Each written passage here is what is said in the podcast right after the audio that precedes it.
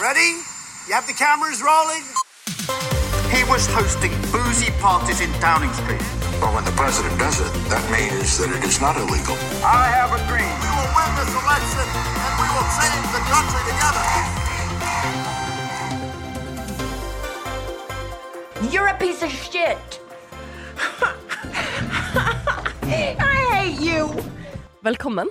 Velkommen, Mitt navn er Sofie Høgstøl, og mitt navn er Eirik Bergesen. Og dette er vårt nokså uhøytidelige, veldig personlige forsøk på å gå bak ukas nyheter, lete etter sammenhengen, si noe om fremtiden, på jakt etter det store bildet, slik vi ser det. Hver eneste fredag. Ja, Eirik, da er jeg spent. Jeg har ikke sett deg denne uken. Jeg føler vi har snakket lite sammen. Hva er det som skjer i livet ditt? Så vi bare hopper rett inn i det, det lille bildet her. Jeg har vært på juletrefester. Eh, Julebord heter det egentlig, kanskje egentlig.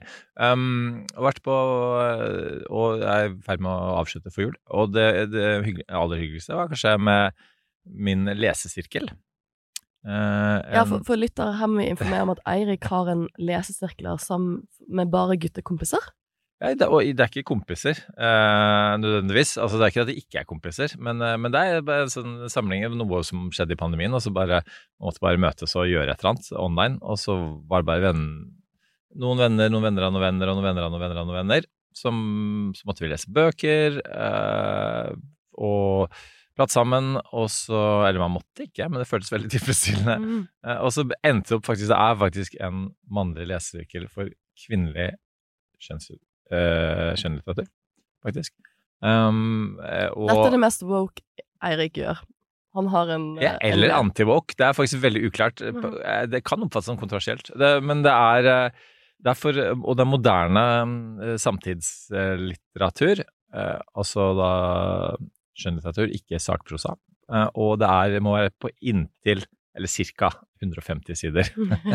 Fordi at det tar så det ikke rekker hver måned å lese den ene boka. Men eh, jeg følte at jeg leser litt for lite romaner eh, nå om dagen. Jeg leser altfor få kvinnelige forfattere. Det gjør også kvinner for øvrig. Leser altfor få kvinnelige forfattere. Så det, det, nå tenkte vi å gjøre en sesong med det, og så har det bare vart videre. Som det som var litt morsomt, da, var at eh, vi da for første gang hadde julebord på Lorry, og Og Norge, selvfølgelig. selvfølgelig. Ukas anbefaling er faktisk en av eh, den boka, en av mine anbefalinger er den boka vi leste, som var 'Gjestene av Agnes Ravatn'. Og vi diskuterte, og det er alltid to timer med intens diskusjon, Uh, og den ene timen handla veldig mye om et sånn derre veldig avgjørende poeng i boka. Uh, Så vi endte faktisk opp med å sende en messengermelding til Agnes Ravatn. Jeg hadde jobba på et prosjekt med henne for ti år siden cirka. Og spurte hva var det egentlig som skjedde her? Og så tenkte jeg at vi kommer aldri til å få svar, og jeg skrev du trenger ikke å svare, og det er fullt mulig å svare sånn derre det er opp til leseren sjøl. Det er helt uh, irrelevant hva forfatterne mener. Men, og det skrev hun også, da. Men så ga hun oss svaret! Vi var kjempefornøyde. Så jeg vet hva som skjedde i den boka. Jeg kommer aldri til å si det videre, selvfølgelig. Men uh, det økte leseropplevelsen. Så det har vært et år med gode, flotte leseropplevelser på norsk eh, samtidslitteratur eh, skrevet av kvinner. Ja. Jeg har da, som vi nevnte forrige uke, vært på Stortinget denne uken, og jeg føler jeg alltid blir syk på Stortinget, og det var denne uken er intet uh, unntak. Det har vært skikkelig kaldt der. Uh, det er uh, forkjølelse overalt, så jeg er nå skikkelig forkjølet, så jeg beklager til lytteren for den tette stemmen min, og det som sikkert blir noen hostekuler utover sendingen. Ehm, så det har vært en fryd. Jeg har også brukt um, uh, ja, er mye, mye av uken min på å egentlig stemme ned forslagene til ukens gjest. For vi er jo ikke alene i dette studiet, Erik. Vi har jo en fantastisk gjest som er teaset uh, forrige uke. Og det jeg glemte å si da, som jeg bare må si nå, er at denne gjesten er også en av mine aller beste venner. Så jeg er jo inhabil når det kommer til henne på mange måter. Um, Og din drømmepodgjest, vil jeg si, for at siden vi begynte med den podden, så eh, vi, må få, vi må ha med Erlend. Eh, nå må vi snart ha med Erlend. Eh, og fordi vi begge genuint har lyst til å vite hva som skjer i- økonomien i en økonomisk krise. Mm. Så Ellen Reitan, som sitter her i studio, hun er da samfunnsøkonom, og når jeg ble kjent med henne, så skrev hun doktorgrad i samfunnsøkonomi ved NTNU. Men siden den tid så har hun blitt politisk rådgiver i Arbeiderpartiet i finans. Eh, jobbet mye med statsbudsjettet, det er litt av grunnen til Det var da vi tenkte på å invitere henne. Eh, og så har hun eh, i løpet av den siste uken tiltrådt som statssekretær for Arbeiderpartiet i Finansdepartementet. Så velkommen, Ellen. Tusen takk. Tusen takk. Du er jo også en friend of the pod. Jeg føler at du er en av de liksom, få venner jeg har som, som konsekvent hører på podkasten, og det er alltid så utrolig hyggelig at du, at du lytter. Ja, absolutt. Jeg har hørt alle episodene, til og med den der fotballepisoden. eh, og det, jeg må bare innrømme at min fotballinteresse er litt begrensa, men, eh, men, dere løfta det jo litt opp uh, utover det, da. Men ja. Nei, og ja, som sagt, jeg har jo da eh, vært og votert For det, som skjer på Stortinget denne uken, er å stemme på statsbudsjettet. Så jeg har jo da vært med på å debattere bitte litt av statsbudsjettet, og stemme, forsøke å stemme en del ting ned. Det tapte jo opposisjonen. Så det spoiler alert, det blir statsbudsjett. Det, det, det gikk gjennom. Um, men det, jeg tenkte jo litt når, liksom, da vi satt og voterte i går kveld, så tenkte jeg liksom Å, dette har sikkert Ellen satt og jobbet mye med, men er liksom mot. Men hvordan føles det å liksom ha ditt første statsbudsjett som du har jobbet med fra start slutt, oppe i Stortinget for votering? Altså, Nå burde jeg jo sikkert sagt at det er liksom stas, og det kjenner jeg litt på hver dag, men siden jeg har ny jobb, så har det statsbudsjettet egentlig bare forsvunnet ut av hodet. Eh, og det her skal vi sikkert snakke mer om senere, da, men, men, nå er vi jo i gang med statsbudsjett 2024 i Finansdepartementet. Så det er statsbudsjett 2023. Det er på en måte yesterday's news eh, for oss, da. Det går, eh, det går fort. Det går fort. Ja, for vi tenkte vi kunne begynne litt med norsk økonomi. Hva er det som skjer? Peker du på meg? Hva Skal jeg svare på hva som skjer i norsk økonomi? Nei, du, du ville begynne altså, sånn midt i jo før sending her med å si bare sånn her Er det noe vi to ikke er eksperter på, Sofie, så er det norsk økonomi. Men fordi eh, vi alle vi andre Ellen, snakker fortsatt om dette statsbudsjettet, eh, så har vi faktisk hatt vi har to episoder av eh, Norske tilstander på TV 2. De to siste har handla om nettopp økonomi. Sånn at Så jeg har, jeg har på en måte og vi hadde først hatt om fattigdomsfella, som, hvor vi hadde luksusfelle, eh, maestro, Hallgeir Kvadsheim blant annet. Og så hadde vi nå eh, på ukas episode om, om, renta. Og da var jeg sånn, så jeg gikk sånn tilbake til basics, da, for å liksom bygge min kompetanse sånn stein for stein.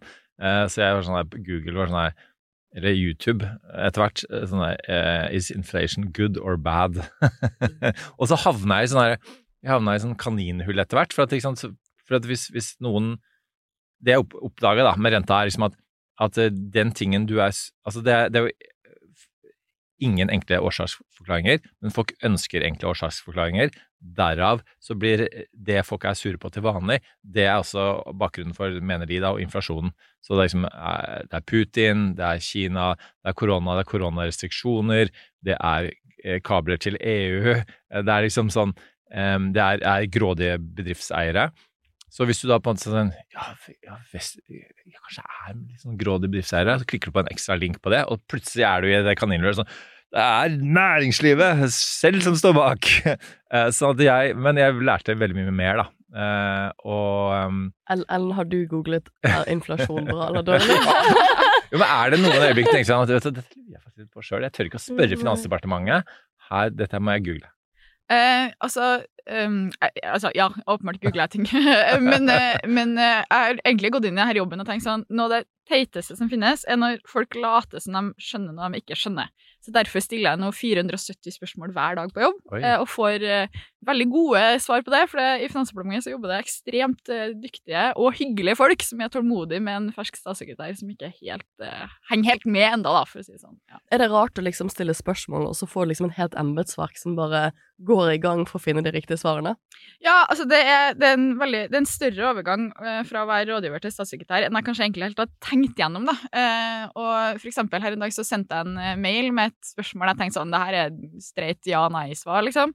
Og så kommer det jo da tre mennesker inn på kontoret mitt mhm. med PC og har satt av en halvtime for å forklare meg det her konseptet, liksom. Som er helt, det er jo helt nydelig. Eh, jeg ble jo veldig smartere av det. Men, men jeg tenker også at jeg sløser med folk sin tid, da, for det var jo bare et spørsmål som ramla ned i huet mitt, på en måte. Eh, og, ja, så det, det er en absolutt en overgang.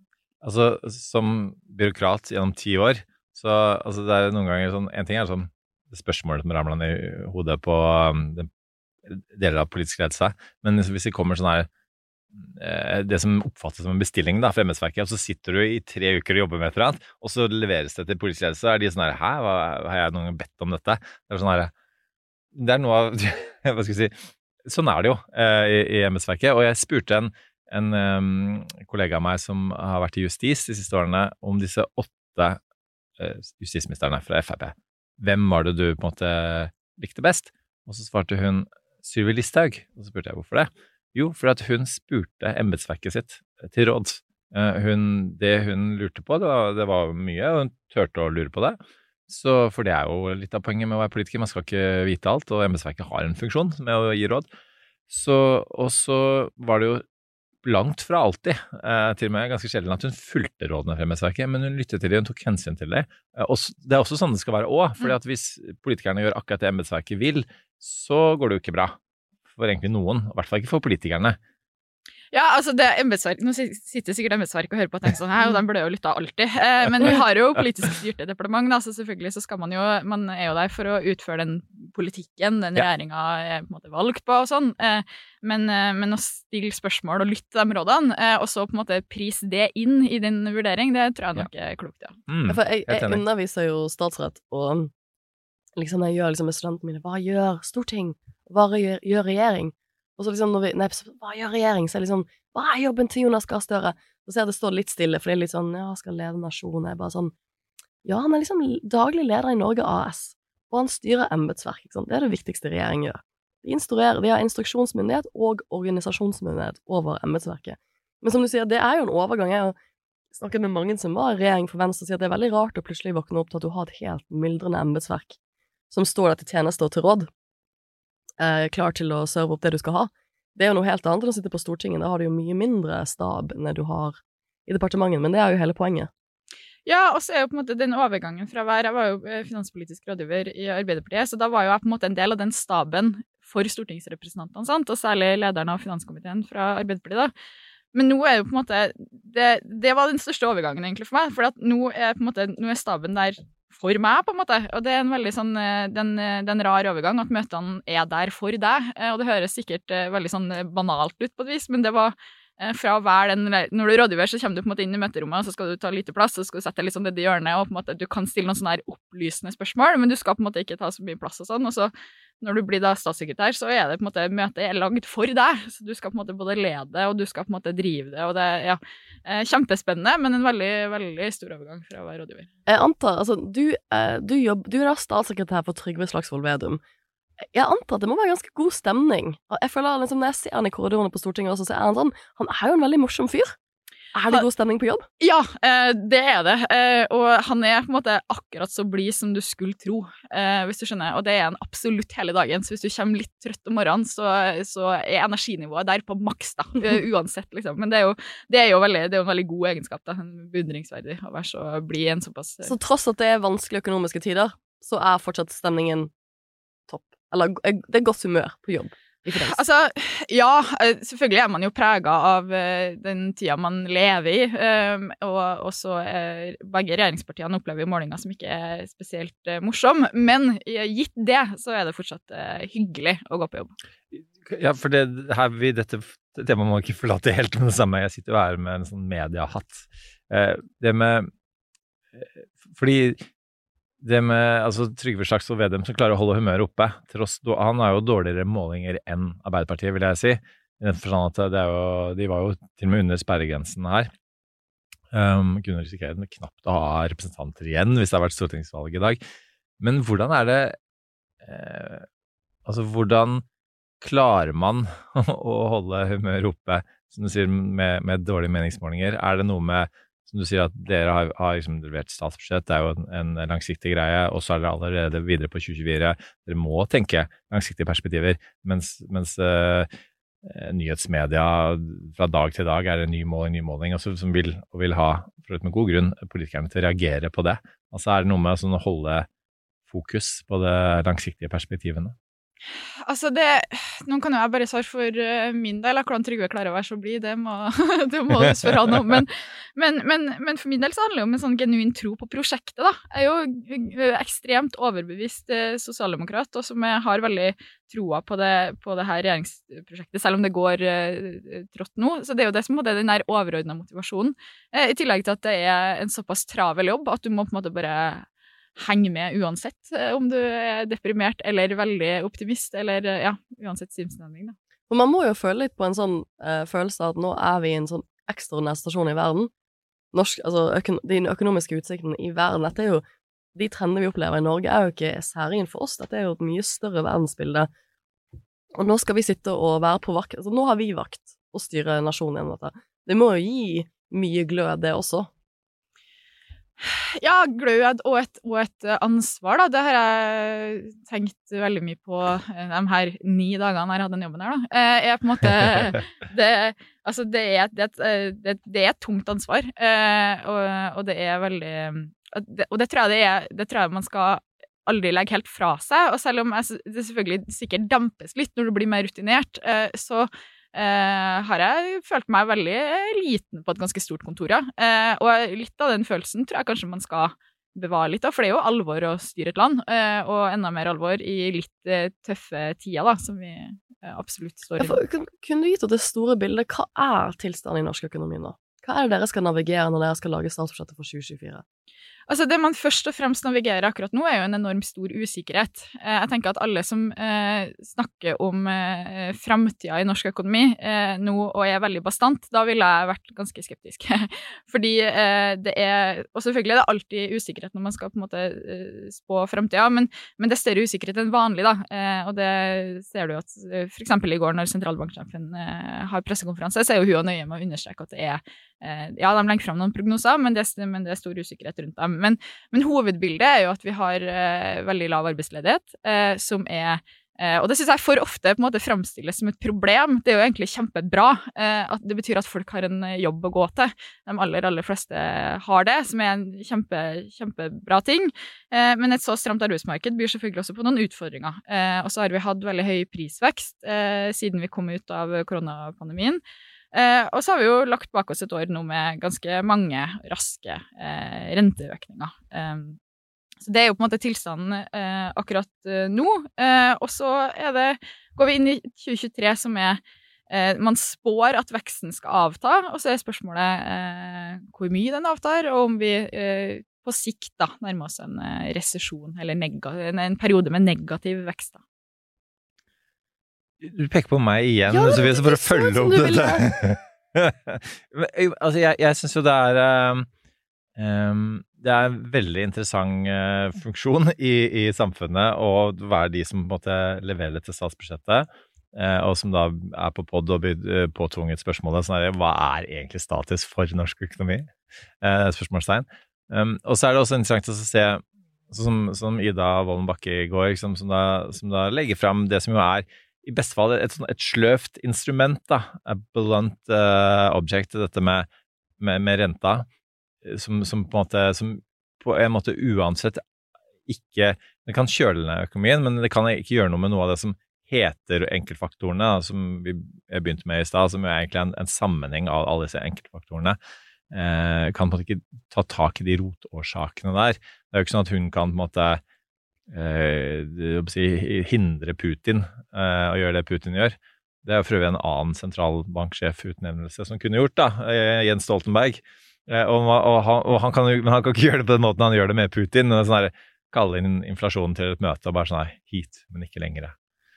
Nå holder det. Eh, dette er fe- feilberegnet, nå har du feilberegna inflasjonen. Altså det er noe med eh, Og så, så ønsker man seg jo at politikere kan gjøre det, og så vet vi at eh, i land etter land etter land så, så, så har man de samme eh, økonomiske syklusene, da, eh, forårsaket av de samme bakenforliggende sammensatte eh, årsakene. Og er liksom, det, på en måte så er det jo selvfølgelig motiverende å sitte i den posisjonen og skulle prøve å gjøre noe med det, men det er litt frustrerende også at det er så mye annet som, som du ikke kan styre. Ja, altså Det enkle svaret på det er jo ja. det er det. Det hadde vært veldig mye mer behagelig hvis man kunne på en måte styrt eh, alle de her enkeltfaktorene. Eh, og så er det klart at vi, preges jo åpenbart veldig at Norge er en liten, åpen økonomi. Så det som skjer andre steder i verden, slår jo på mange måter rett inn hos oss. Eh, på starten av det her året så snakka man jo om eh, altså, krigen i Ukraina som en slags X-faktor. sant? Fordi en del av den her høye inflasjonen er jo drevet av et eh, energiprissjokk. Altså sånn eh, strøm, strømprisene har gått i taket. Eh, og jeg tror kanskje ikke det er riktig å snakke om krigen som en X-faktor på samme måte lenger nå. For selv om den eh, angrepskrigen skulle tatt slutt i morgen, så er det jo litt vanskelig å se for seg. Eh, og nå beveger jeg meg rolig innover på et ansvarsområde som ikke er mitt, da. Men, eh, men, men det er jo vanskelig å se for seg at man får et helt normalt energisamarbeid med Mm. Putin likevel, om den angrepskrigen skulle ha vært over på kort sikt. Eh, så eh, krigen er en X-faktor på andre ting enn inflasjon akkurat nå, ville, ville nok jeg sagt. Men det er jo i hvert fall noe man som eh, eh, statssekretær i Finansdepartementet, ikke styre. Eh, eh, så det er jo det jo én ting av det. I tillegg så er vi jo Uh, har vi vår egen valuta, og så skinner jeg gjennom uh, her at uh, det syns jeg er en veldig bra ting. Mm. Eh, men, men det betyr også at hva de andre sentralbankene i verden gjør med renta, påvirker jo også hva vi gjør her, for at kronekursen er jo avhengig av, av andre land, da. Så det er veldig mange sånne faktorer som er, som er avhengig av resten av verden.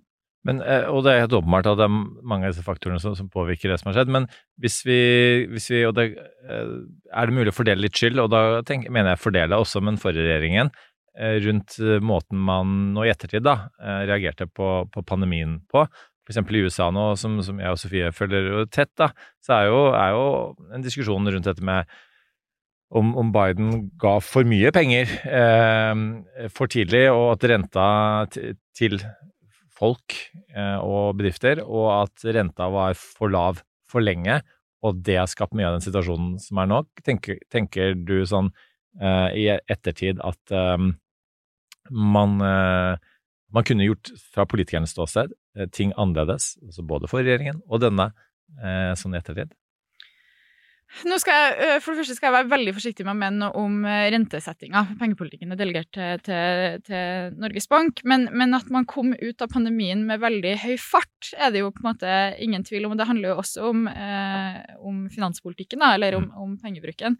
Men jeg, men jeg, men jeg syns det er vanskelig å, å kritisere forrige regjering for eh, høy oljepengebruk under pandemien, fordi det er på en måte det er jo litt av eh, poenget med oljefondet, at når det går trått, så, så eh, skal man kunne bruke mer oljepenger, eh, som også spiller tilbake på hvorfor vi nå må bruke mindre, sant? for at nå eh, Handlingsregelen er jo sånn at den skal virke motsyklisk, så når det er høy fart i økonomien, så skal du bruke mindre, mens når det er lav fart, så skal du bruke mer. Og pandemien, da man, liksom, staten gikk inn og stengte ned, stengt ned landet, så var det jo åpenbart grunn til å bruke mer penger for å holde, holde hjulene i gang. Og så er det jo lett å sitte i ettertid og si sånn ja, men det ble ikke så ille som man kanskje trodde i mars 2020. Eh, men, men, eh, men eh, det tror jeg kanskje man skal liksom Hva skal jeg si være litt ydmyk på. Eh, at, at ingen visste helt hva det var som skulle skje fremover da. Jeg tenkte, for jeg tenkte Litt av grunnen til at jeg spurte om du kunne komme på podkasten da du fortsatt var politisk rådgiver i Finans, for da satt du jo um, og forhandlet statsbudsjettet med de andre partiene, um, og det, det syns jeg var veldig interessant å følge. Men jeg tenkte, tenkte vi kunne Og jeg tenkte at litt av grunnen til at um, Jeg, jeg syns jo alltid det er spennende å høre på deg snakke om økonomi og, og, og om disse store spørsmålene. Men det er jo litt det at du er jo kanskje en type person man ikke nødvendigvis hører så mye fra. Altså Man leser liksom i avisen at det er, sånn, det er krangling med forhandlinger av statsbudsjettet, og så får man den type liksom, vinklinger på saken, men man, man liksom får ikke nødvendigvis en så mye bedre forståelse av hvordan prosessen egentlig fungerer. Og vi har jo sagt at litt av formålet med denne podden er å ta folk litt bak kulissene? Litt bak i liksom, hvordan dette egentlig fungerer. Så jeg har tenkt at vi skal liksom begynne å komme inn på, for det, det er jo fordi oss vanlige dødelige så er det jo fortsatt statsbudsjett 2023 som er saken denne uken. Så jeg tenkte vi skulle komme inn i hvordan, du, hvordan den ble forhandlet frem. Men før vi gjør det, så tenkte jeg bare spole tilbake til hvordan For du, som sagt, du sitter jo nå og har nettopp tiltrådt i en veldig mektig posisjon. Da, lurer, da tror jeg mange lurer på hvordan, hvordan endte du opp som statssekretær i finans? For det er jo ikke en jobb du søker på. Og da vil jeg spole helt tilbake til starten. Du blir jo aktiv i AUF i Trøndelag i ganske ung alder. Hvorfor, eh, hvorfor meldte du deg inn i politikken? Og det er, sånn det er sånn spørsmål jeg skulle ønske jeg hadde et sånn her kjempebra svar på. For at det, eh, noen forteller litt sånn her rørende historie om at det var den her ene saken at du skulle redde verden og sånn. Men jeg var en sånn elevrådsnerd, eh, som bare mente veldig sterkt om absolutt alt. Eh, en tilstand som åpenbart ikke har gått over. Eh, eh, og så bare på et eller annet tidspunkt så var jeg sånn hvorfor er jeg ikke medlem av AUF, på en måte. Eh, så da meldte jeg meg inn. Det var 16 år i det herrens år eh, 2010. Eh, og så på en måte det ene tok det andre, tror jeg er litt sånn klassisk eh, ungdomspolitikerhistorie. da, At du, du går på et møte, og så er det kjempegøy, for der møter du likesinnede som også mener sterkt. For jeg ant- antar at For du er født i Trondheim. Mm. Jeg antar at i Trondheim så er det AUF Mm. som er tingen. Det er, jo, det er jo det største partiet. By far. Eh, ja, og så uh, uh, Jeg tror jeg liksom alltid definerte meg sjøl på venstresida. Så jeg, jeg hadde ikke en sånn her eh, runde der jeg leste alle partiprogram og sånn. Det var på en måte Det var, ble Arbeiderpartiet AUF på meg, fordi det var det har alltid vært, har alltid vært hjem for meg, da. Eller det har alltid vært naturlig for meg å tilhøre der. Så stiger du gradene, og du blir etter hvert valgt som leder AUF i Trondheim. og så blir du også lokal folkevalgt. Ja, jeg, satt i bystyret i Trondheim fra eh, 2015 til, til 2019. Eh, majoriteten av tida som fraksjonsleder i kontrollkomiteen, så høres, som jo høres kjempespennende ut som ungdomspolitiker, men det var absolutt lærerikt, det, altså. Men og, da liksom Når jeg inviterte deg på podden, så tenkte jeg litt sånn Jeg antar at en av de måtene som folk kanskje kjenner deg på, er jo Trond Giske-saken. Eh, Det er nok kanskje noen av lytterne våre som vil huske en kronikk du skrev, for jeg, jeg kjenner ikke deg når du er AUF-leder i Trøndelag. Eh, Du blir jo kjent med noen av de personene jeg etter hvert blir kjent med, det er sånn vi kjenner hverandre. Eh, Men jeg, jeg visste ikke hvem du var før, eh, ja, 26. august Hva blir det? 2020. Um, for da skulle jo Trond Giske prøve å gjøre comeback i politikken og bli leder for Trøndelag Arbeiderparti. Etter at han har måttet gå av som nestleder av metoo-saker. Um, og jeg husker veldig godt hvor jeg var når jeg leste denne kronikken, for jeg satt på, på T-banen på vei til jobb, og så så jeg at mange av vennene mine delte en link til en kronikk i det som da var et ganske nytt nettforum for debatt, altså Trønderdebatt. Jeg må, jeg må helt ærlig si at som bergenser så hadde jeg vært veldig sjelden inne på Trønderdebatt og lest ting for det. Um, men jeg husker bare at jeg satt på T-banen på vei til jobb, og så leste denne kronikken. Uh, og kronikken har tittelen liksom 'Jeg burde sagt fra da jeg var 17 og 20 og 23, men jeg sier ifra nå'. Um, og jeg tenkte sånn Hvem er denne damen her? For annet, den, er så velskrevet, den er så to the point, og jeg tror det var en kronikk som mange kvinner på min alder som, som har vært politisk aktiv, hadde forventet at skulle komme på et eller annet tidspunkt, og nå var den der. Um, og så bryter det jo ut et sånt ellevill mediekaos rundt denne kronikken. Og det som jeg også bet meg merke i, du var jo da stipendiat, for du er lokal folkevalgt, så går du ut av politikken, du blir eh, skikkelig universitetsnerd, gjør det veldig bra på studiet, og så blir du um, stipendiat i samfunnsøkonomi ved NTNU og skal forske på Arbeidsmarkedsøkonomi. Arbeidsmarkedsøkonomi. Jeg antar det er nyttig for deg nå i den, i den jobben du skal inn nå. Og så gjør du det, og så reiser du på utveksling til Phoenix, Arizona. Det er derfor, kjære lytter, at vi skal komme tilbake til amerikansk vi har jo også en vaskekte USA-ekspert i studio. Men så reiser du er på utvikling på doktorgraden i Phoenix, Arizona, og så skriver du denne kronikken. Um, og uh, noe av det som var så sterkt med å lese kronikken for meg, var at jeg tenkte sånn Når du først har skrevet en sånn kronikk, og lagt det ut med så mektige folk i eget parti, så er det ikke nødvendigvis at man kommer tilbake etter noe sånt. Nei, altså, som du sier, så var jo jeg, jeg var jo stipendiat i, i Phoenix, eller like utafor Phoenix eh, i Arizona, eh, og hadde jo tenkt å gjøre ferdig doktorgraden min der, egentlig. Altså, veilederen min eh, jobb, jobba, og jobber fremdeles, eh, på et universitet der, eh, så eh, min plan var å ta doktorgrad og bli forsker, på en måte. Så jeg hadde, jeg hadde egentlig ikke tenkt å drive med politikk igjen. Så skriver du kronikken, det blir mye oppstyr rundt den. Eh, hadde du sett for deg at du to år senere skulle bli statssekretær? Nei, men jeg hadde ikke sett for meg for to måneder siden at jeg skulle bli statssekretær heller, da. Så det er jo Ja. For det er sånn, ja. Kan jeg bare spørre også, um, bare for å Um, gå litt uh, Ikke for mye detalj, Ellen, det skal du få slippe, men, men altså Det kunne ikke handle om, om Giske-saken, og, og, og du tar et veldig tydelig standpunkt, og det var jo noen eh, modige kvinner som tross alt gjorde det til slutt. Um, hva, kan du bare oppsummere litt grann hva du ehm, eh, hva, hva du skrev i selve kronikken? Altså, helt ærlig så um, Jeg fikk egentlig sagt i 2020 det jeg ville si om det, uh, så jeg har egentlig ikke noe uh, uh, mer å si enn det. Det Kjedelig svar. Men så, for du, du er i Phoenix, alt dette skjer, og så kommer du tilbake igjen til Norge av pandemien. Det var sånn vi møttes. For jeg ble jo veldig fangirl.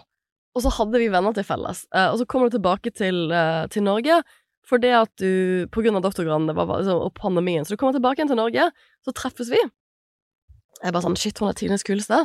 Uh, og så skal du jo fortsatt bare skrive doktorgrad og så videre, og jeg hadde jo deg på besøk på Stortinget. For jeg møttes som vara på Stortinget under regjeringsskiftet, for da var Guri Melby fortsatt partileder. Så fikk, det var liksom de første uke, det var første gang jeg møtte på Stortinget.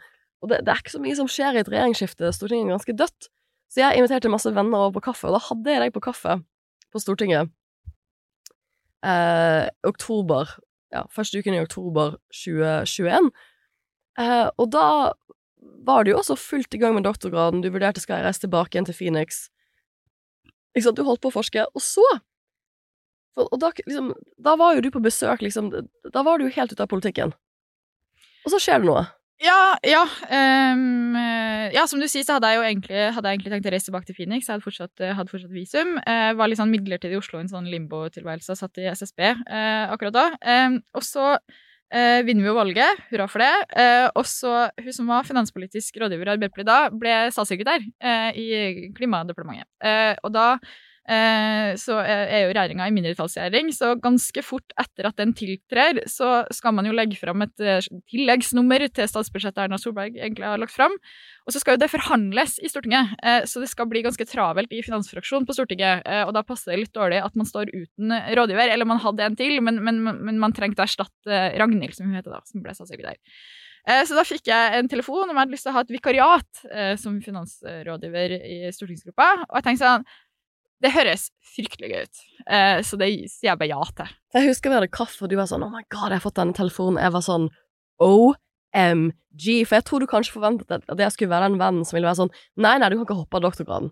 Du må bli ferdig med doktorgraden. Det er veldig viktig. Men jeg var sånn Nei, nei, nei. This is your West Wing moment. OMG. Sant?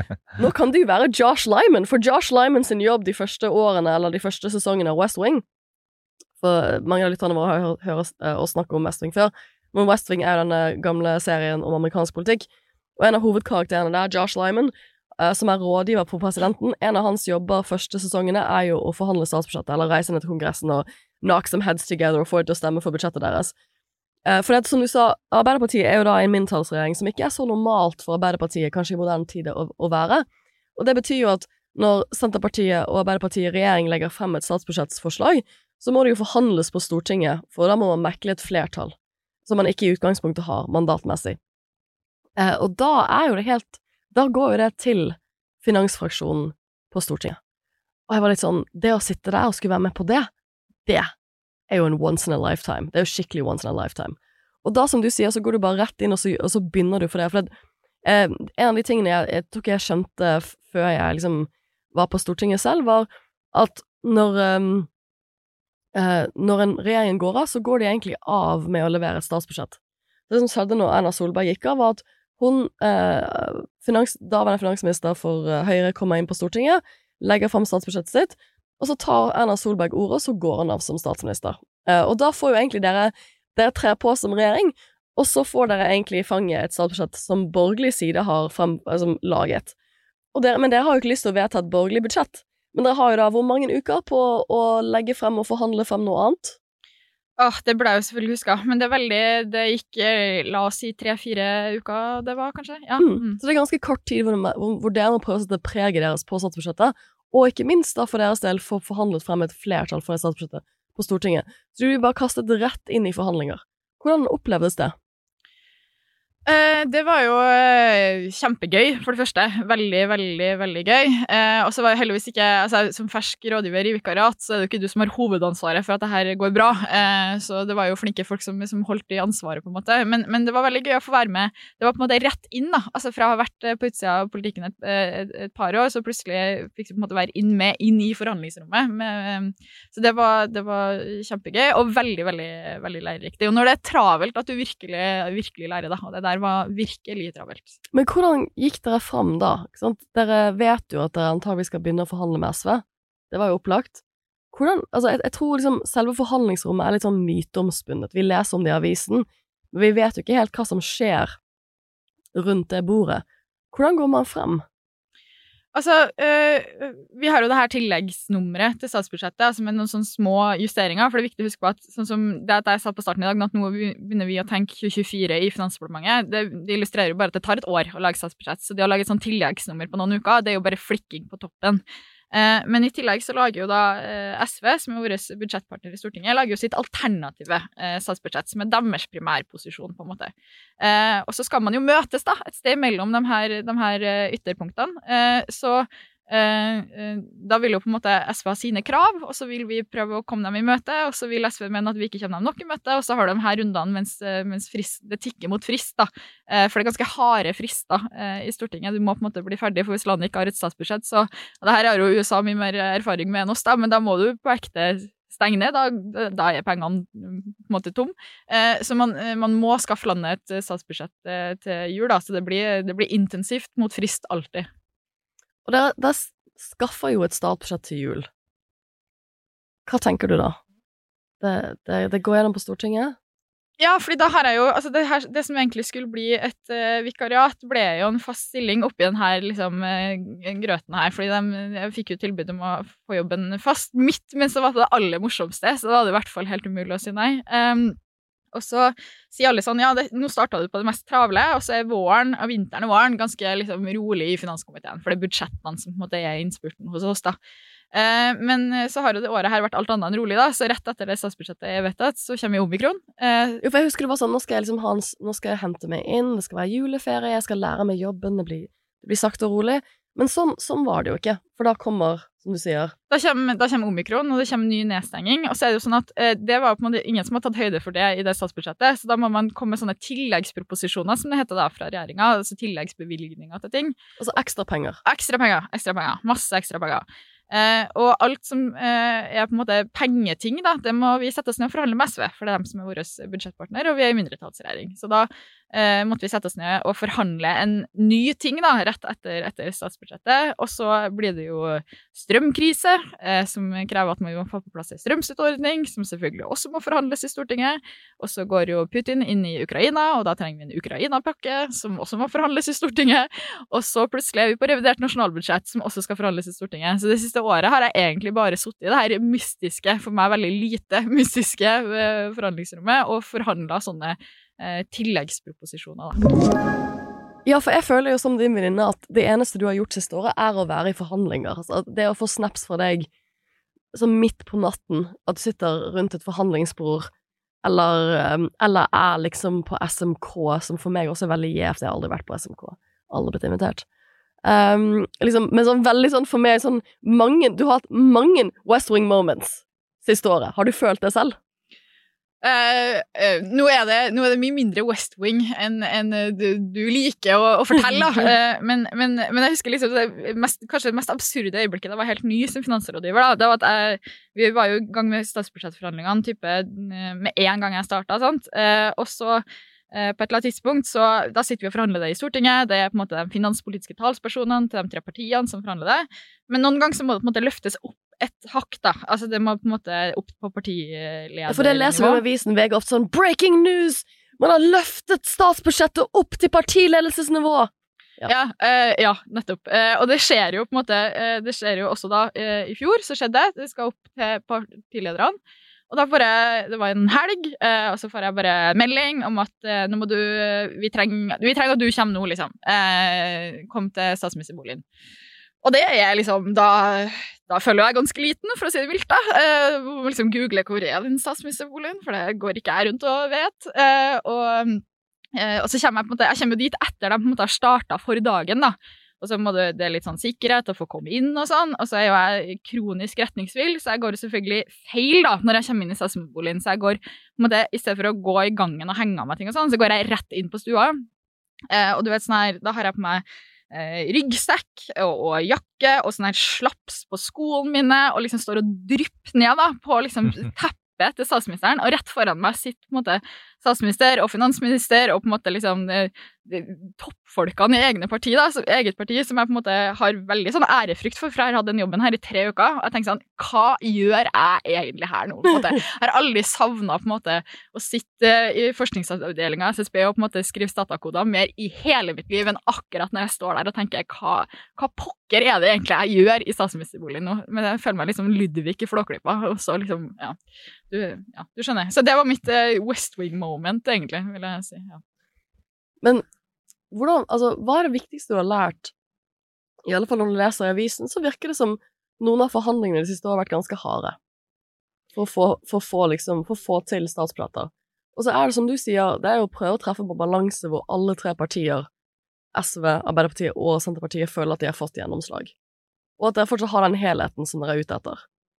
Hva er liksom det viktigste du har lært av å sitte på dette mystiske forhandlingsbordet og prøve å mekle frem en sånn løsning?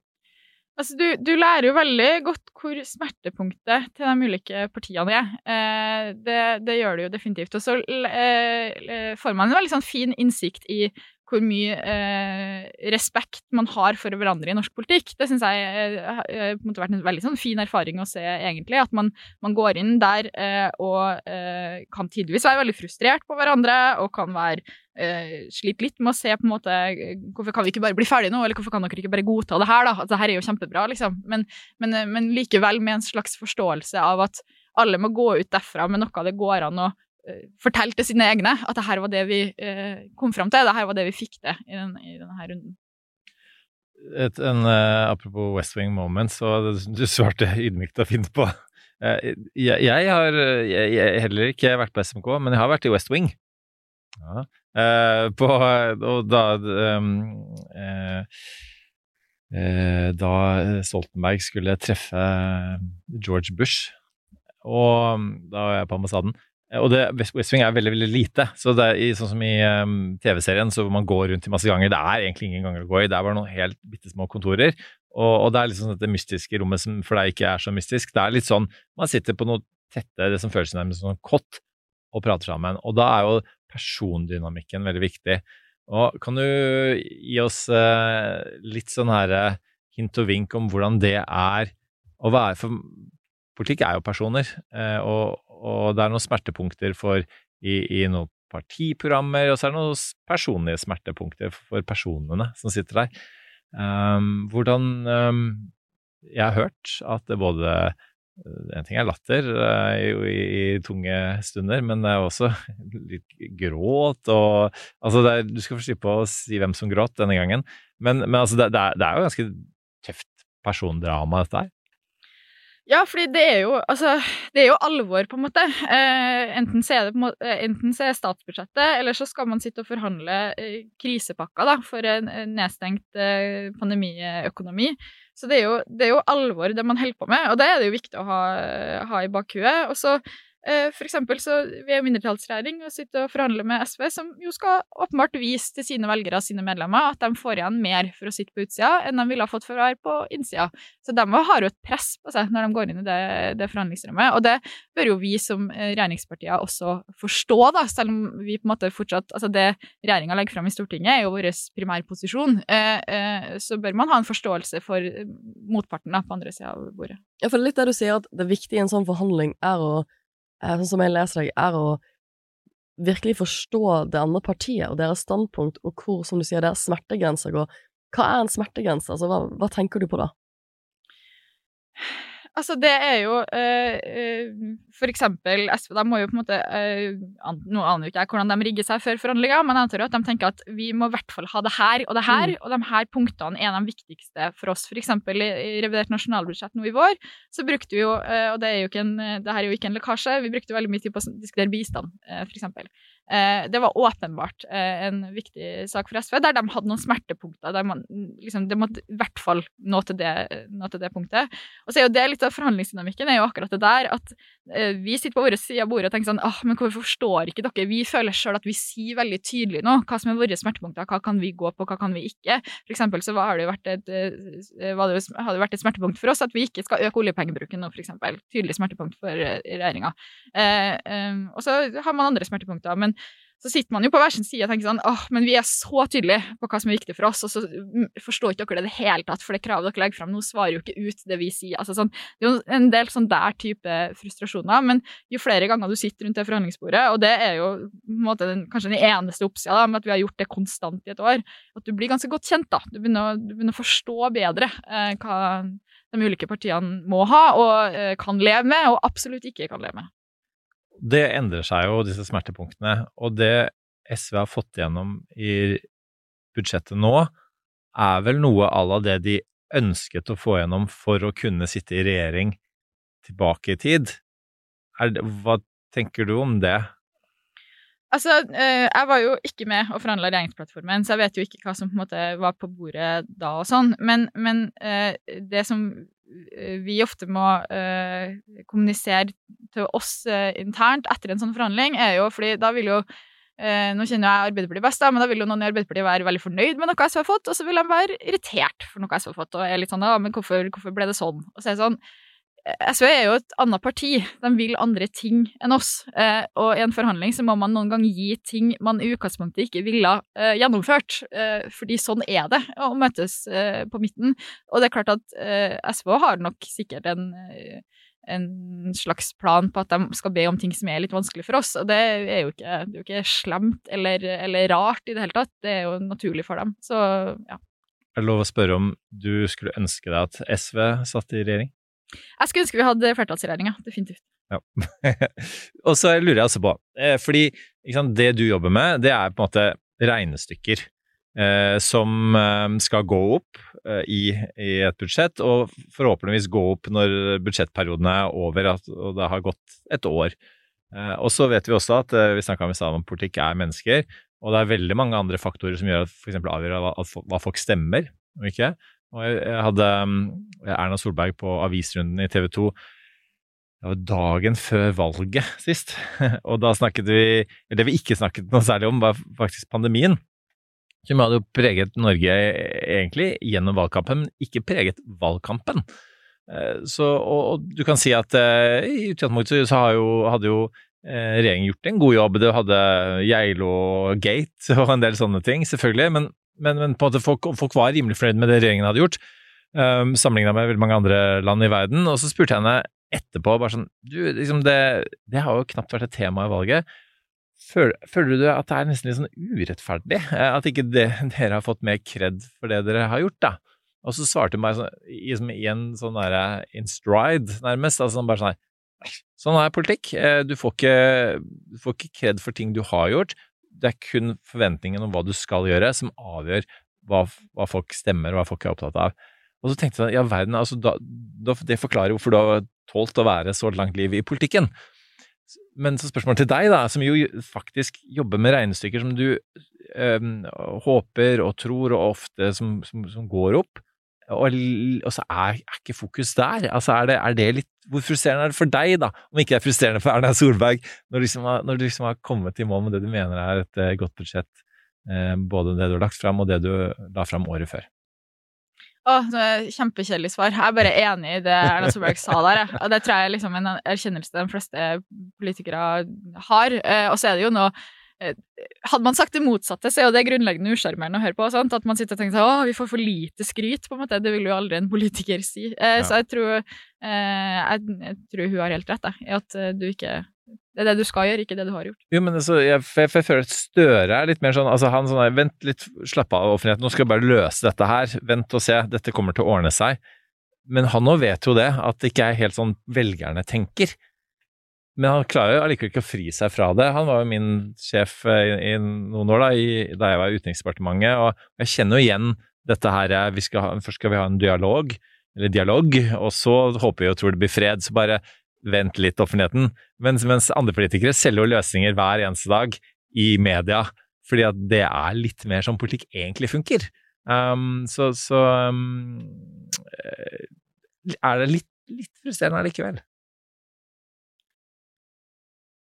Eh, altså eh, Altså, det er jo mye med politikk som kan være frustrerende. Eh, det er det jo definitivt. Men jeg er fortsatt enig i, eh, i analysen til Erna Solberg der, da. At eh, det er på en måte det du skal gjøre, og dine, på en måte, dine visjoner eller dine planer for samfunnet, som på en måte er det eh, folk må være med på, da. Eller folk må, må, må tro på. Eh. Så konklusjonen er at du lever helt fint med at politikk er frustrerende? Det er litt sånn politikk er og skal være? Ja. ja. ja liksom, når du snakker om visjoner, for nå, nå eh, når vi snakket sammen sist, så sa du at akkurat nå så er det liksom tre ting som pågår. Det, det er salderingen av 2022-budsjettet, som vil si at Stortinget også denne uken har vedtatt de siste endringene i det som er statsbudsjettet for det i år. Så har man også vedtatt 2023-budsjettet, og så har dere startet på 2024-budsjettet. Så det er mange budsjetter som går, som, som går samtidig nå. Hva er det du tenker når du skal nå sitte deg ned og forhandle, eller lage et statsbudsjett? Du har jo forhandlet statsbudsjettet når du er på Stortinget, men nå skal du jo lage et statsbudsjett fra regjeringens side som skal til Stortinget, hvor noen andre skal forhandle, hvor du, du, hvor du ikke skal være med på de forhandlingene. Hvordan, hva tenker du, hva, hvordan går du inn i et sånt stykke arbeid med 2024? For nå skal du starte den prosessen Um, hvordan er det å liksom prøve å se de lange linjene? Altså, Først og fremst er jeg eh, klart å møte meg sjøl masse i døra. Eh, fordi når man sitter i, Stortinget og er på en måte mottaker av det regjeringa leverer, så blir man ofte sånn åh, men kan dere forstå at X, Y, Z, hvis du skjønner. Eh, og nå eh, skal jo jeg sikkert sitte på andre sida av bordet og forstå nettopp hvorfor det er vanskelig å ta, ta hensyn til, da. Så jeg er klart å møte meg sjøl masse i døra. Eh, og så er jeg jo klart å lære masse, da. Jeg har jo eh, det å forklare altså, hvordan man lager et statsbudsjett. Jeg aner ikke. Jeg, nå har jeg blitt sånn eh, litt rutinert på å forhandle et statsbudsjett, eh, men, men, men, hvordan man lager fra scratch, det, er, det blir veldig spennende eh, å lære seg. Så du får invitere meg tilbake om et år, så kan jeg forklare hvordan det er. Det, det skal vi gjøre. Det skal vi gjøre. Um, jeg tenker at vi begynner å gå inn for landing. Eirik, har du et siste spørsmål? Et siste spørsmål, fordi vi skal um nå bare om noen få eh, dager, nesten, 6. Eh, januar, lede eh, det store bildet 2023 en prognose. Det skal vi gjøre sammen med NHO i forbindelse med årskonferansen deres. Og da skal vi jo ha ulike typer eksperter som ikke er politikere, men som er fageksperter på scenen for å komme med en prognose om hva som de tror kommer til å skje i 2023. Du sitter og regner på disse tingene her. Um, Eh, og hva tror du Vi kan ikke slippe deg ut av dette studioet uten at du hjelper oss litt her. Hva tror du, Ellen, kommer til å skje i 2023? Du begynte med at du skulle gi oss en litt sånn status for hva norsk økonomi, hvor vi står nå. Hvor tror du vi står på samme tid neste år? Nå må jeg bare få sagt først at eh, det er embetsverket som regner, og ikke meg. Det skal jeg ikke ta noe ære for, og det er veldig veldig bra at det er embetsverket som gjør det òg. Uh, uh, nei, hvor vi står om et år. Uh, jeg håper vi har fått den her uh, myke landinga. det er jo det vi jobber på og strever for å få til nå, både med finanspolitikken og med pengepolitikken. At man ikke får en sånn krasjlanding der arbeidsledigheten øker masse. så jeg håper, jeg håper, vi har fått til det, at, at inflasjonen er på tur ned, eh, og at vi fortsatt har eh, lav ledighet. Du vet jo ikke hva Putin kommer til å gjøre, og det, er selvfølgelig masse usikkerhetsmomenter her nå. Men mens 2022 har vært sånn en overraskende år, på en måte, i og med at de aller, aller, aller, aller fleste av oss ikke skjønte at Putin kom til å gjøre det, og hva det kom til å utløse, så, så er det kanskje noen som tror at eh, altså, disse krisene og uroen kommer til å vedvare. Altså, det blir ikke overraskende på den måten. Eller, eller, at du får den myke landingen, som du, du sier. Men er det, er det, vet vi sånn noenlunde det, dette året som vi har i møte, hva som kommer til å skje? Altså Er disse, disse trendene vi ser, enten det er økonomi eller sikkerhetspolitikk osv., er de på en måte så dyptgripende og langvarige at, at det kommer til å være mer av det samme?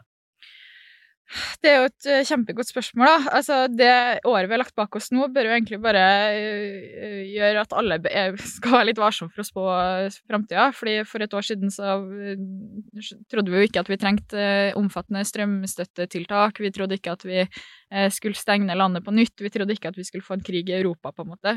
Så jeg håper jo at vi begynner å nærme oss en normaltilstand, da, også for de norske statsfinansene, eh, sånn at vi slipper å ha eh, sånne krisepakkeforhandlinger i Stortinget, og at oljepengene flyr. Nå håper jeg at vi skal tilbake til normal, der man har vedtar et statsbudsjett, og så er det statsbudsjettet som virker gjennom året. Det er mitt håp for 2023. Og myk landing.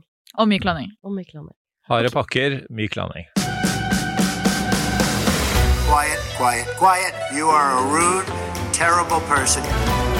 Du, kjære Ellen er ikke bare en samfunnsøkonom, du er også en USA-ekspert. For da vi ble kjent, så bodde jo du i Phoenix, Arizona.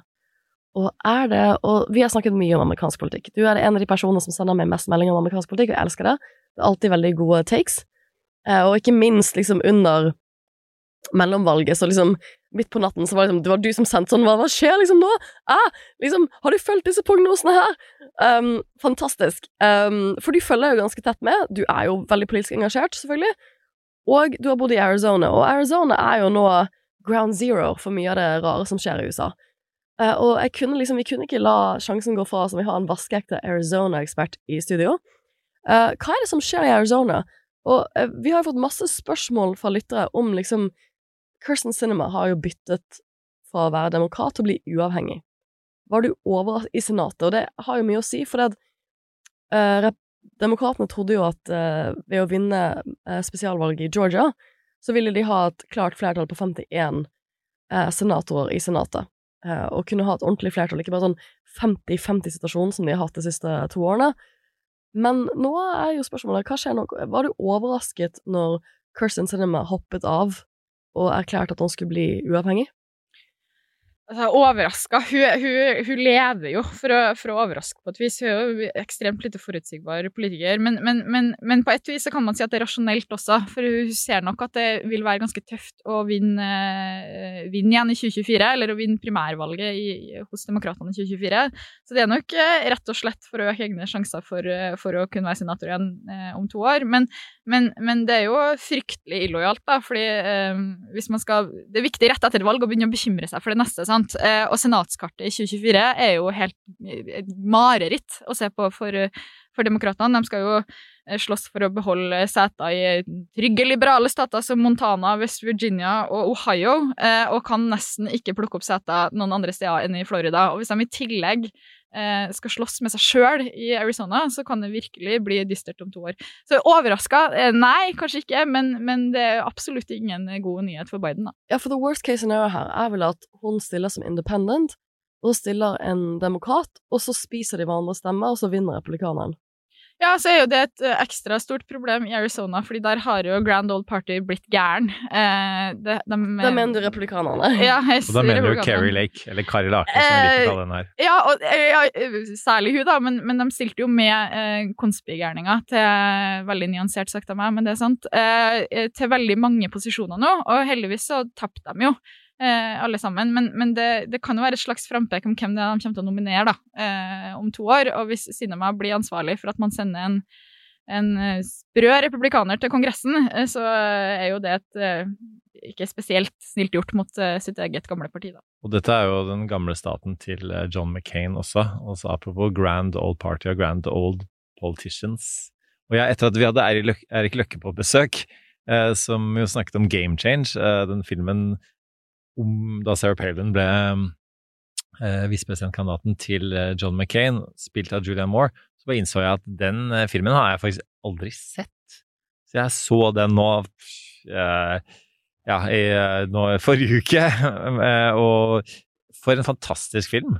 Og for en psyko-historie om altså, at den dama nesten ble visepresident i USA, som jo altså hun, eh, apropos å forberede seg til, til ehm, eh, å fronte politikk overfor offentligheten og media.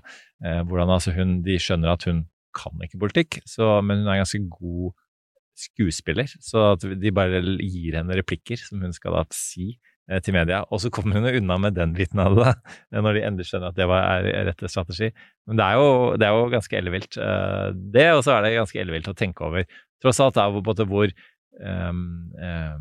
bred, samlende uh, politiker John McCain var da, fra, fra Arizona, hvor havarert den staten er blitt. Jeg, jeg, jeg, har jo tenkt sånn, hvordan gikk de fra, fra John McCain til Carrie Lake? Er du overrasket? Altså, hva tenker vennene dine i Phoenix? Uh, nei, altså, de er jo, de er jo skremt over den eh, utviklinga, åpenbart. Og så må jeg jo understreke at det er jo veldig liberale folk, da. Så de er jo ikke akkurat spesielt nær å stemme på det republikanske partiet uansett uh, hvilke kandidater de stiller med. Men det som er fascinerende med Arizona, er at det var jo den siste staten på fastlandet til å bli en del av unionen. sant? Så de har liksom Det har jo veldig lenge vært en republikansk stat. og Republikanske presidentkandidaten har vunnet alle valgene der siden fram til 2020, da, siden 1952, med unntak av Clinton en gang på 90-tallet. Så det, det, det, er jo en stat som har vært veldig trygg republikansk, egentlig. Men det er ikke en så det er ikke en, som statene i Midtvesten, da, som er konservative og mange evangelisk kristne og veldig eh, annen type konservatisme, da, mens, mens Arizona er mer sånn her la oss være i fred, Washington ikke kommer og bestemme hva vi skal gjøre. Det er litt mer sånn libertansk på et vis. Eh, eh, men det har jo egentlig snudd igjen nå, da. Eller i hvert fall eh, de kandidatene de har stilt med nå, er jo mer sånn eh, valgfornektere og konspirasjonsteoretikere. og så Det har liksom fått et nytt sånn knekkpunkt. Og så er jeg litt forsiktig med å si at eh, Arizona har vippa til å bli en demokratisk stat. Det er det jo ikke, men det har blitt en mye mer spennende stat da, enn det har eh, vært i veldig mange år. Apropos på Konsby, vi må jo, når vi har deg her i studio, um, som er så kunnskapsrik om amerikansk politikk, um, og bekymret over utviklingen i går så lanserer altså Donald Trump superheltkort Årets julepresang. årets julepresang. Eh, han, han har annonsert denne eh, hendelsen også over litt eh, tid, og noen forventet seg kanskje at det var noe som handla om politikk, for eksempel. Altså, hva i all verden er det som skjer der? Har han gitt opp politikken fullstendig? Ja, den som vet hva som foregår på innsida av huet til Donald Trump, den, eh, eh, det er jo bortimot umulig. Men eh, eh, det som fascinerer meg litt når man snakker om hvem, hva som skjer med republikanske partier, og hvem som stiller i 2024, er at man, man snakker som om eh, alt annet enn Trump hadde vært helt topp. Eh, men problemet er jo at partiet har jo blitt tatt over av likesinna, på en måte. Eh, som når man snakker om liksom, DeSantis eller eh, Josh Hawley, han eh, juniorsenatoren i Missouri, for eksempel, som også er litt sånn her up and coming stjerne, er jo at de er jo yngre, eh, kanskje litt smartere, men akkurat like sprø. Og jeg vet ikke helt om egentlig det er så veldig mye bedre eh, at det er det som blir eh, kandidaten i 2024, da. Jeg syns det er sånn interessant å følge republikanske partier nå, for Trump har jo lansert presidentkandidaturet sitt. Det har ikke gått så bra. De første ukene har rett og slett ikke vært noe storsuksess.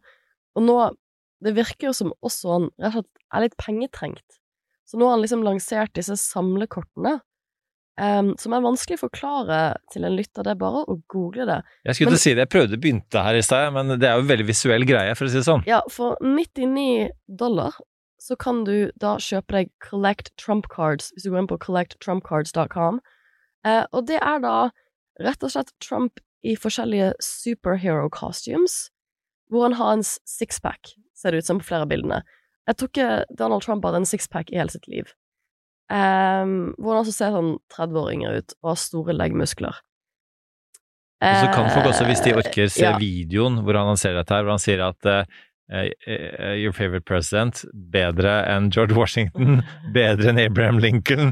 Så han er vel på sitt minst ydmyke, og, og det sier ganske mye om Donald Trump da, i den videoen. Ja, og det, det som er interessant også, er at det, liksom, han har, he's trying to make this president thing happen. Eh, det har ikke fått så mye traction, han har fått en del kritikk. Alt for, vi har snakket om det før, altfor tidlig å si om han ikke er bærekraftig som presidentkandidat for 2024, men akkurat nå har det, det har vært en litt sånn flopp, da, virker det så langt. På den andre siden så er Kevin McCarthy, som trodde da han skulle bare gli inn og bli leder for Representantenes hus, Um, han den, um, den uh, kongerepresentanten fra California hos replikanerne som har ledet de når de har vært i mindretall. Uh, og nå skal han jo endelig prøve å bli speaker. Oh yeah! Problemet er at han har et såpass lite flertall at han trenger at hele hans, alle de som har blitt valgt inn for, for replikanerne, må stemme for han for at han skal bli speaker. Og det er rett og slett en såpass stor eh, underskog av local, liksom av ytterliggående replikanske republikanske kandidater i Kongressen som ikke har lyst til å stemme på han. Så han er akkurat nå på en ganske sånn ydmykende tur rundt for å prøve å få alle disse personene her ehm, til å stemme på han. Uh, det blir veldig spennende å se hva som skjer, for jeg, jeg, kan ikke, jeg tror jeg leser at det er en Man kan knapt huske sist hvor det måtte bli avstemninger, for hvis du ikke får det uh, Hvis du ikke får eh, et, det tallet på 218 stemmer i første runde, så må du gå på flere runder. Eh, og demokratene ler jo bare, ikke sant. Det er jo fantastisk morsomt for dem at Kevin McCarthy, som på mange måter eh, gikk ut mot Trump etter stormingen av Kongressen, og så velger å liksom krype tilbake til korset, omfavne Trump, for han har lyst til å vinne 2022-valget, har lyst til å bli speaker. Nå er det liksom Jeg tror han blir speaker, men det blir ekstremt uverdig for han. Han kommer med masse innrømmelser. En av innrømmelsene som dette, disse, disse andre kongressrepresentantene har lyst på for han, er at han skal gå med på en regelendring hvor de kan avsette han som speaker når, når de vil, gjennom en avstemning. Eh, og det skjønner jeg veldig godt han ikke har lyst til å gå med på, for du kan jo ikke styre på et sånn type grunnlag. Men det er jo en av innrømmelsene som disse trumpistene i hans eget parti De ønsker liksom muligheten på å kunne bare ja, call a vote, og så avsette han som speaker. Um, og det, det vil jo han selvfølgelig Eller han har selvfølgelig ikke lyst til å gå med på det, men vi får se om han har et valg om en uke eller to hvis han ikke har fått til dette flertallet. For tiden går, altså de skal jo tiltre i Kongressen rett etter jul, så han har ikke så mye tid igjen. Eh, og så, så Det er liksom de to tingene som pågår nå som er ganske spennende i det republikanske partiet. Og så tror jeg demokratene følte at nå er det endelig Det er ikke vi som har et problem. Republikanerne også fikk de Kirsten Cinema som gikk ut og erklærte seg selv uavhengig. Selv om det er litt uklart for meg hva hun mener med det, om hun kommer til å stemme med demokratene, altså hvor uavhengig hun egentlig blir, det vil jo tiden vise. Så mens vi er på amerikansk politikk, uh, dette er ikke en myk landing, dette er en hard landing, så må jeg bare hive inn Elon Musk og Twitter. Fordi i natt mens uh, vi sov Du sov kanskje ikke, eller du jobbet med neste års statsbudsjett, uh, og, eller 2024-statsbudsjettet, så har altså da Elon Musk kastet ut prominente journalister fra Twitter. Og, Free speech! Free speech for all! Bare ikke de folkene jeg ikke liker. Altså, vi Altså- snakker eh, eh, CNN, eh, Donny O'Sullivan, New York Times, Ronny Mack, eh, Washington Post, Drew Harwell, og en som jeg følger veldig mye på. Han er progressiv, uavhengig journalist som heter Aaron Rupar, som er, er utrolig eh, opplysende eh, Twitter-konto. Um, men det som kjennetegner kanskje spesielt han, er at han er en eh, Trump-kritiker, og så er jo disse også da eh, blitt Elon Musk-kritikere, fordi de mener at han ikke følger opp det du sier her, Sofie, det med, med free speech. Han jo, skulle jo være en sånn ytringsfrihetsfundamentalist, som jo blant annet for øvrig anbefalte å stemme på republikanerne i, i valget nå.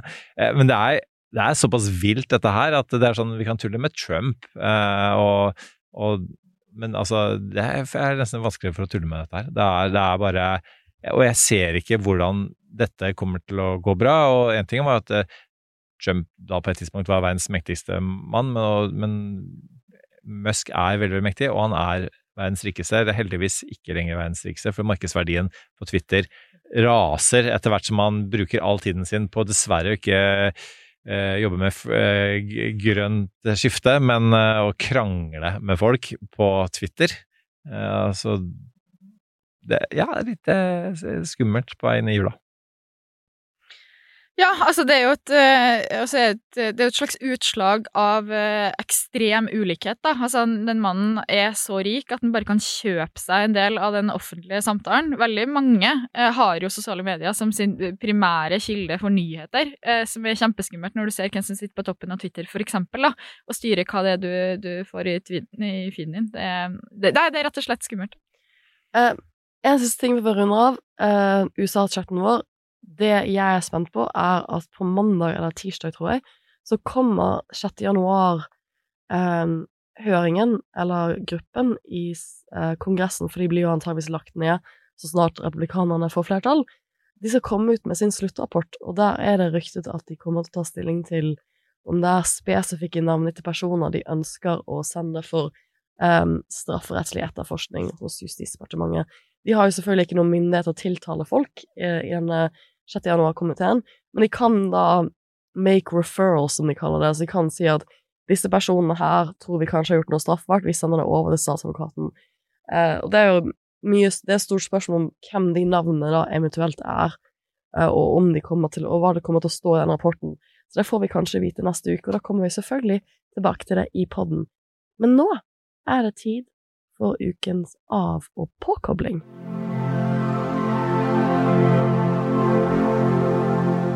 Ja, Ellen, jeg ser på deg. Hva er eh, din eh, I den grad du klarer å koble av, hva er det du kobler av med, og hva er det eventuelt kobler på med?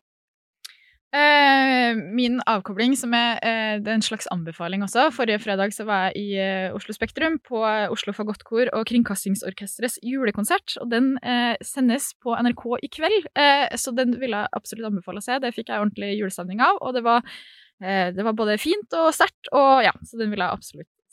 Um, eh, Påkoblinga mi er at på mandag så eh, leverer eh, Skatteutvalget sin NOU. Eh, Torvik-utvalget har jobba i ett og et halvt år, ble satt ned av Jan Tore Sanner. Fikk litt utvida mandat av regjeringa vår. Og er nå ferdig med arbeidet sitt. Så da kommer det en rykende fersk og veldig spennende skatte-NOU på mandag. Kan jeg spørre deg, dette er ikke planlagt, men eh, nå så du veldig skeptisk ut. Eh, eh, vi er jo, vi har jo sagt så mange ganger at eh, vi er ikke, ingen økonomieksperter. Nå har vi en økonomiekspert her, og det, er, det var veldig eh, befriende å høre deg gjennom den timen her nå. Men hvis du, altså hvis folk i jula nå skal lese en, som, en, en bok som skal forklare litt, grann, eh, ikke, om ikke økonomisk politikk som sådan, men som hvor vi står og går, sånn, bare i Norge, men kanskje i, i verden, er det noen, er det noen forfattere du vil anbefale? Er det noen eh, som liksom, som er, er spesielt flinke til å oppsummere et felt som er seg, vanskelig lar seg oppsummere? Åh, det her burde jeg forberede meg på. Ja, det burde jeg forberedt deg Nå fikk jeg helt uh, hjernefrys. Jeg kommer ikke på et eneste uh, navn. Beklager. Men det er vel litt sånn her på altså, Vi har en Harari, som er sånn som sikkerhetspolitiske folk som meg syns er veldig sånn flink til å, til, til å gå tilbake i tid og ta med seg noen sånne eh, årsaker til konflikt osv. Men er, det noen sånne og I gamle dager så var det jo Nå har jo til og med liksom, man gått til med den, altså Høyresiden har gått vekk fra sånn her eh, Hajek og disse her litt sånn veldig libertanske. For nå er vi liksom i en tid hvor sånn Nei, klart staten er nødt til å ha en viss innflytelse. Så, så jeg, jeg, lurer, jeg lurer veldig på hvem som er men, the it people da, i, blant økonomer om dagen. Som er liksom og- Er det fortsatt Piketty? Ja, Piketty? ja Eh, for hvordan står det med han, for eksempel? Altså, i, i, I visse kretser så er jo åpenbart han et, eh, et sterkt navn. Han er jo veldig populær på, på, på venstresida. Eh, og så eh, er det også strid om hans, eh, om hans metoder og, og, empirien han legger til grunn. Da. Eh, men, men jeg syns jo han skriver interessante bøker, selv om han skriver mursteiner. Da. Eh, men, eh, men jeg kommer ikke på noe annet navn enn Piketty, og det var jo litt, var litt dårlig av meg. da. Man bør ikke gjøre det jeg gjør, og så bare sånn begynne å google, eller gå på YouTube og så havne i sånne økonomikaninhull. Nei, nei, det vil jeg ikke anbefale. Nei. Jeg har um, eh, Altså, jeg, jeg, jeg begynte jo på en anbefaling i begynnelsen av programmet, nemlig Agnes Ravatn sin uh, 'Gjestene'. Eh, anbefales eh, veldig. Er en liksom Woody Allensk eh, satire på middelklassen, egentlig. Eh, og, og en av eh, betenkelighetene i diskusjonen vår rundt denne er, er jo for det handler om en sånn sånn hyttetype strid uh, mellom, mellom to par på Sørlandet. Og så tenker jeg, men er det noe å, å holde på med midt i en verden av uh, andre større og viktigere konflikter? Så, men så var en, et argument for det var jo at ja, men de er jo en av de grunnleggende konfliktene som ikke går bort eh, i det norske samfunnet og mange andre samfunn. Eh, nabostrid. Eh, og så er det veldig mye mer enn det, så den boka anbefaler jeg. Og så må jeg bare si at jeg, jeg, vi, vi hadde jo en sånn fellesanbefaling på White Lotus sesong to da den begynte, Sofie. Og nå er den ferdig denne uka her på tirsdag, og herre min hatt. Eh, altså, for en avslutningsepisode, for en sesong. Og apropos å avkle middelklassen, og kanskje den overklassen. Eh, altså, den, det er must see eh. Jeg, har ikke landa enda. Altså, det, det er fantastisk. Det, det er så bra. Eh, som sagt, jeg var jo på ferie i Terromina i september. Og det var før jeg visste at det skulle være stedet for eh, White Lotus. Og hver, hver, liksom, hver episode så har jeg tenkt sånn Å, så gøy å se! Der, liksom, der var vi, og vi var i de gatene, men det luksushotellet de har basert på, der hadde vi ikke Jeg husker liksom når vi googlet hoteller, det var liksom sånn 40 000 kroner natten-hotell-type steder. Og jeg, jeg føler Jeg kjenner meg veldig lite igjen i liksom Jeg føler at det var lavere Mye lavere prostitusjons- og dopfaktor på min ferie enn det det er i White Lotus. Eh, mye, mye lavere. Men Taromina kan virkelig anbefales eh, som et feriested. Og White eh, Lotus season 2 Altså, de kommer til å vinne så mange eh, priser for denne serien her. Herregud. Eh, min eh, Fordi jeg er syk, så har jeg egentlig bare en avkobling. Og det var at i går så lå jeg under varmeteppet mitt hjemme etter jeg kom tilbake fra Stortinget, eh, og så på and, Harry and Meghan sin sånn veldig trashy dokumentarserie på Netflix. Og det er liksom Hvis du er litt småsyk eh, og liksom vil ha eh, en glossy seks timers lang serie som på mange måter er en ren promoreklame av paret, kan anbefales. Samtidig så er det også sånn Det er høypolitikk, det er, det er verdens Det er liksom Det er jo storpolitikk også, liksom, men det er sånn Det er jo to personer som på mange måter sånn, i sånn rendyrket promostil forteller deres indre historie. Min favorittsitat er når de begynner liksom serien med å si at um, dette er egentlig en historie om en, en stor kjærlighetshistorie. But it's, that's only really just beginning. It's like a big love story. Dette er egentlig historien av en stor kjærlighetshistorie som bare egentlig er nettopp har begynt. Men må jeg, da må jeg bare eh, stille deg spørsmålet, eh, Sofie. Fordi den kommer jeg jeg, jeg pleier å følge opp mange av dine anbefalinger, faktisk. Eh, og nesten alle. Men den her kommer jeg overhodet ikke til å se. Eh, fordi altså, det, det er jo ingenting ved Meghan Markle som jeg oppfatter som troverdig. Altså, jeg tror ikke på de tingene hun sitter og sier. Eh, og det er noe sånn herre Jeg føler at hun spiller en annen rolle, og et, sånn, et illustrerende eksempel, mener jeg, da, er, er eh, Hvis du ser på Graham Norton-show, så er det ofte amerikanske og eh, britiske sk- kjendiser, skuespillere som regel, da, som, som snakker sammen. Og britene er sånn så skjønner jeg at i sånne programmer så er, du måtte iscenesette deg selv på en måte. Det er en, en versjon av deg selv som er der. Det er ikke, du er ikke 100% ekte. Men britene fremstår som ekte. Amerikanerne fremstår som skuespillere som har lært seg noen replikker som de tror kommer til å funke i det programmet. Eh, Og, og det er litt sånn derre um, Det er så enorm forskjell, og det er selvfølgelig mye mer likeable og sympatisk med disse britene. Og det er det, det sitter og tenker også med Meghan Markle. Jeg, jeg, jeg skjønner, og det er jo helt åpenbart at det britiske folket ikke lar seg lure. Jeg tror jeg har uh, The United Kingdom bak meg, The Cold Commonwealth bak meg, i den analysen av Meghan Markle. Eller har jeg det, Sofie? Det er fascinerende. Det er virkelig, virkelig Altså, jeg kan, du kan ikke liksom jeg, Du kan ikke se bort. Det er som å se på en, en, en um, bilkrasj i slow-mo, som er veldig pent iscenesatt. Uh, og det er fascinerende å se altså, Jeg syns jo de har noen poenger, men det er jo fascinerende å se to personer som syns så synd på seg selv. For alt de har gjennomgått i en tid hvor det er veldig mye som skjer i verden. Man skulle ikke tro det var krig i verden hvis man så på denne dokumentarserien her. Og de har fått hvor mye penger for uh, lagerserien? 100 millioner. Så altså De måtte jo begynne å tjene penger når han ikke fikk pappa- og mammapenger lenger fra, fra slottet. Da ringer du Netflix og gjør dette. her. Jeg kommer nok ikke til å lese boken hans Spare. Det er A Bridge Too Far. Spare me. Ja, Spare Me. Men, men ja, nei, kan anbefales. Um, jeg ser at du ler, Ellen. Kommer du til å se på dette? Nei. Det var faktisk veldig betryggende, for hvis du hadde sagt ja, til det, og, og ikke bruke den, eh, de seks timene på, på vårt 2024, alles 2024-budsjett Nå snakker jeg på vegne av hele den norske befolkningen, eh, ikke velgerne til Arbeiderpartiet. Så, så det, det var betryggende. Takk. Ja. Vi skal straks gå inn for landing. Vi vil bare minne våre kjære lyttere på at vi skal gjøre liveshow. Og jeg hadde ikke tenkt sist at vi skal gjøre liveshow eh, på det som blir toårsdagen for Kongressen, 6. januar 2023. Bind året ditt med oss. Make uh, January 6 great again, Make. January 6 great again. Det skal vi prøve å gjøre. Um, vi har allerede begynt å selge billetter, og vi har fått inn noen ganske kule navn til å være med oss på scenen, ikke sant, Eirik? Eh, Vi, eh, forsvarssjefen, Ja, Eirik vi, vi, kan, vi kan spoile det på podkasten nå. Henrik. Syse, Henrik Syse kommer. mann som kan det meste om det meste. Karen Anne Eggen kommer. Eh, Og en annen friend of the pod, eh, Hilde Restad, eh, kommer. Eirik Mofoss, lederstjerne i DN, jobber i Norad. Mm. Det blir veldig spennende å høre. Og flere andre eksperter som skal, altså skal fortelle oss hva de tror kommer til å skje i 2023. Så vi gleder oss enormt. Altså, tenk at vi skal gjøre liveshow. Det blir er perfekte starten på 2023. Vi håper at dere kommer. Dette er jo Vi syns det er så gøy når vi, på, når vi møter folk som hører på podden, og vi tror det kommer til å bli kjempegod stemning. Så eh, billettsalget ligger ute, men det er jo jul, så vi har selvfølgelig lyst til å gjøre en liten giveaway. Vi kommer til å gi bort to billetter, så jeg kommer til å legge ut på Facebook-siden i dag en giveaway. Den må dere bare trykke like på så fort som bare fy, for vi skal spille inn eh, podkastepisoden neste uke litt tidlig.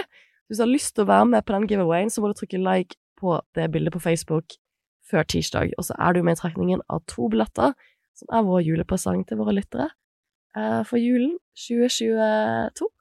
Eh, og med det, Eirik, så skal vi gå inn for landing. Tusen, tusen takk, Ellen. Altså, det var så gøy å ha deg her.